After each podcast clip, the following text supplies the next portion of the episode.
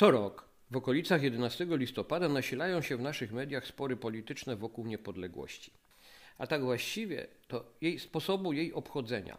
A tak właściwie sposobu obchodzenia kolejnej rocznicy odzyskania przez Polskę niepodległości po ponadwiekowym czasie braku suwerennego państwa. Nie chcę się tu wdawać w kolejny spór pod tytułem, że data 11 listopada jest jedynie symboliczna, że wcale nie jest najważniejsza i tak dalej. Jako historyk, no, słaby, bo słaby, ale jednak wiem, że to symbol i wszystkie te zarzuty znam. Jestem też w stanie spierać się o to, co było w tamtych czasach ważniejsze, a co mniej ważne. Wszystkie te procesy jakoś tam nazywać i określić. Ważne, że w sporze Dmowski-Piłsudski też zajmuje miejsce konkretne. Ci, którzy mnie znają, wiedzą o tym. Jednak nasze spory ostatnich lat odchodzą od tej starej dychotomii, a może właściwie nie odchodzą, tylko są wprowadzane na inne polityczne tory. Kto wie? I mamy do czynienia z czymś zupełnie nowym. Konkretnie mówiąc, mam na myśli nienawiść, bo inaczej się tego nazwać nie da. Części naszej klasy politycznej i dziennikarskiej do idei Marszu Niepodległości. Inicjatywy odbywającej się w Warszawie, ale angażującej całą Polskę. Inicjatywy wymyślonej i zrealizowanej przez środowiska określone mianem narodowych.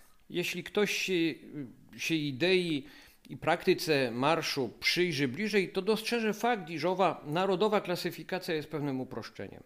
Owszem, marsz wymyśliły i zrealizowały środowiska młodzieży nawiązującej do tradycji polskiego obozu narodowego, ale z czasem zaczął on zgarniać, skupiać w sobie także i inne, tym piłsudczykowskie, chadeckie i konserwatywne i monarchistyczne środowiska. Zaczęły w nim iść grupy rekonstrukcyjne, środowiska stawiające sobie za cel upamiętnienie żołnierzy wyklętych, kibice klubów sportowych, którzy na ten dzień zawieszali swoje animozje, oraz różni radykałowie, którzy z naszą rzeczywistością polityczną się z gruntu nie zgadzają. Przy okazji do idei marszu dołączali również zwykli chuligani, albo czy nie szli w niej ludzie, może nie o złej woli, ale tacy, którzy sobie przed nim coś tam mocniejszego dziabnęli i zachowywali się mało grzecznie? Może i tak, ale marsz zazwyczaj nieprowokowany jakoś tam spokojnie szedł. Gro uczestników stanowili tak zwani zwykli Polacy, którzy szli, bo idee, które były hasłem marszu, były im bliskie. Tu mamy sedno.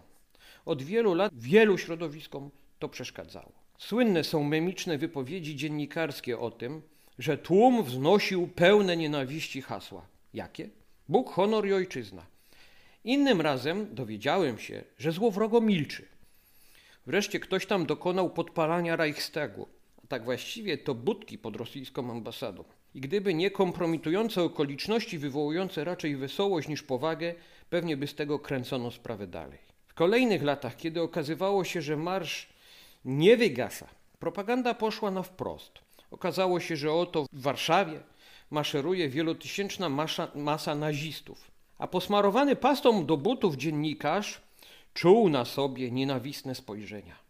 To nic, że przez swój głupi performance prowokował oraz obrażał prawdziwych czarnoskórych Polaków będących w marszu. Ostatnio okazało się, że marsz jest też miejscem rozprzestrzeniania się COVID-a, w przeciwieństwie do protestów antyaborcyjnych. Obecnie retoryka antymarszowa jest już jasna. Ma nie iść i tyle. Jego krytycy zdają sobie sprawę z tego, że młodych ludzi, którzy chcą w nim maszerować, radykalizują w ten sposób tylko. Osłabiają ich zaufanie do władzy, która przecież głosi wolność wyrażania przekonań, jak się jednak okazuje, dla niektórych tylko. W tym wypadku spór wokół marszu przestał być polityczny. Elitom ciąży niepodległość, uwiera ich, najchętniej by się jej pozbyli. Okazało się, że część z nich odwrotnie jak Piłsudski wsiadło do tramwaju nazywającego się socjalizm na przystanku Niepodległość, kiedy właśnie tenże wysiadał i pojechało nim dalej. Niby to do Zjednoczonej Europy byle od niepodległości jak najdalej. Dlatego z takim obrzydzeniem i poczuciem wyższości patrzyli przez te lata na idących w marszu. Będę samopowtarzalny, ale ze szkoły pamiętam zasadę rewolucyjną, że walka klasowa nasila się wraz z postępami rewolucji. Przeciwnicy idei niepodległości też ją znają i stosują. My pamiętać musimy o jednym.